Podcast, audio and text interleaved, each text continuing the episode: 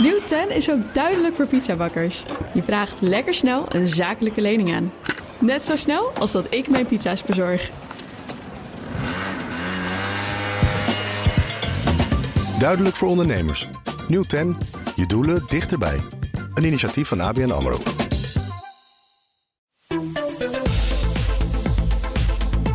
Iedere dag een blik op de wereld en die komt vandaag van onze Europa-verslaggever Geert-Jan Haan. Geert-Jan, goedemiddag. Hey Thomas. Met ook op de, deze plek natuurlijk het laatste nieuws uit Israël en de omringende landen, de omringende gebieden. Met een nieuw topoverleg tussen wie precies en waarover? Ja, laten we beginnen met het diplomatieke rondje. Uh, Rishi Sunak is in Israël.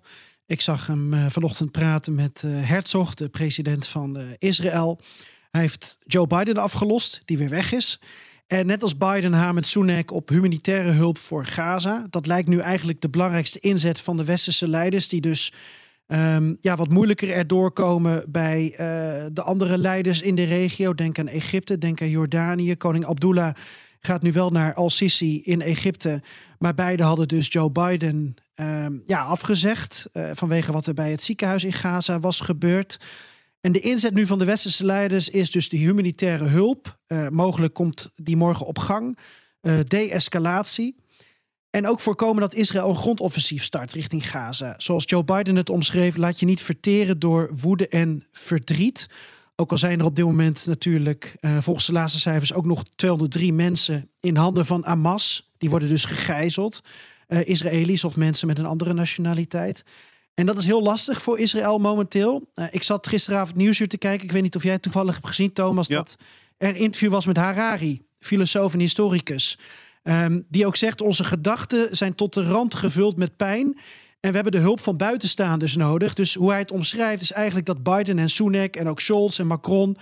Je kunt het je bijna niet voorstellen, maar dat zijn een beetje de, de westerse psychologen nu voor uh, Netanyahu en Herzog. En die moeten dus eigenlijk ervoor zorgen dat zij Um, nog in menselijkheid kunnen denken. En, en, dat ze zich dus, nou ja, wat, wat Biden zei, niet laten verteren door, um, door al, al dat pijn en al dat uh, verdriet. Dat vond ik een interessante interview. Maar hebben ze ook nog een eigen belang te dienen? Namelijk, als het overslaat, als het conflict groter wordt, dan raakt dat ook steeds eerder Europa en hun eigen landen, hun eigen economieën, hun eigen ja. mensen?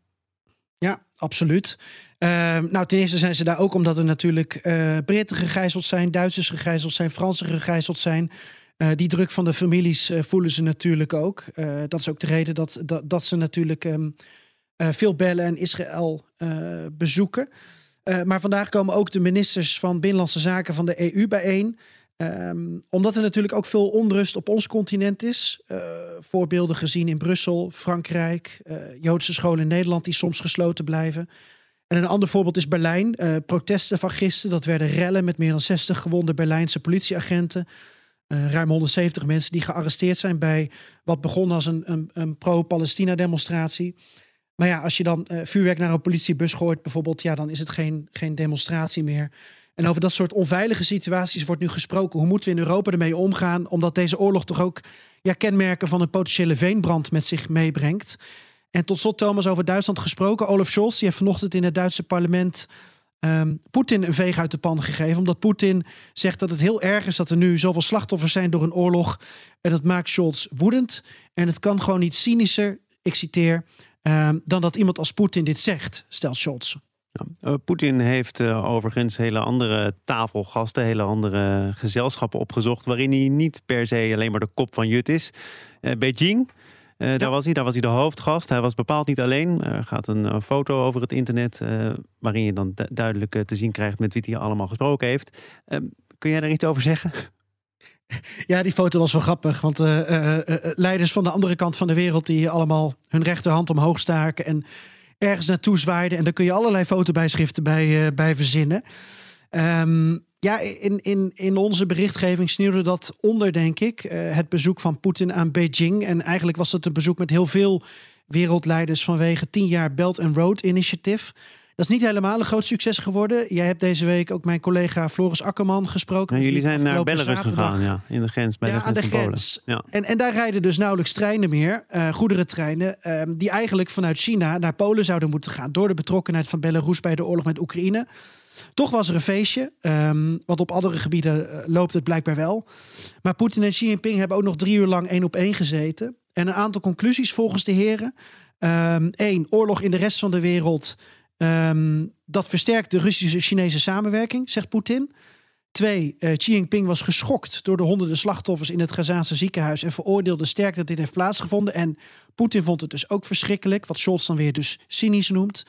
En drie, ehm, Poetin en Xi hebben allebei Hamas nog niet veroordeeld voor welke daad dan ook. En ze gebruiken de toestand vooral ehm, ja, om, om te hameren op een twee-staten-oplossing. Dat is wat je vooral leest. Tot slot nog even naar het eh, menu van de wereldleiders daar. nou ja, ehm, je, je hint waarschijnlijk op een persconferentie die Poetin de afloop gaf. Ehm, hij nodigde Amerikanen uit om pannenkoeken te komen eten. Die waren natuurlijk niet bij dat Belt and Road Initiative, maar ik citeer even hoe het ging. Ehm, Poetin kreeg dus van een journalist een vraag over dat Amerika ATACMS, lange afstandswapens, aan Oekraïne heeft geleverd. Oekraïne heeft die nu ook ingezet. En Poetin gaf vervolgens een antwoord van 20 seconden. En het is de moeite waard om dit even te vertalen. Ik citeer. Waarom levert Amerika ATACMS aan de Oekraïne? Laat Amerika ze toch lekker terugnemen. Neem andere wapens ook gewoon mee. En ga daarna lekker bij ons zitten. Eet toch lekker een pannenkoek met ons. Kom bij ons langs voor een theekransje. En weet je, we hebben het over. De oorlog is toch al verloren. Waarom dan toch die ATACMS leveren? En toen zei hij tegen de journalist: Stel die vraag dus maar aan de Amer- Amerikanen.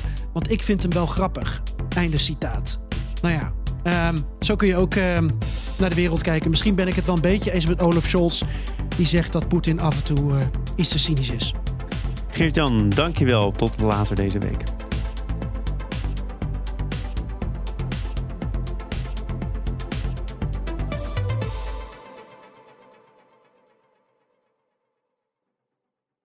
Nieuw 10 is ook duidelijk voor pizzabakkers. Je vraagt lekker snel een zakelijke lening aan.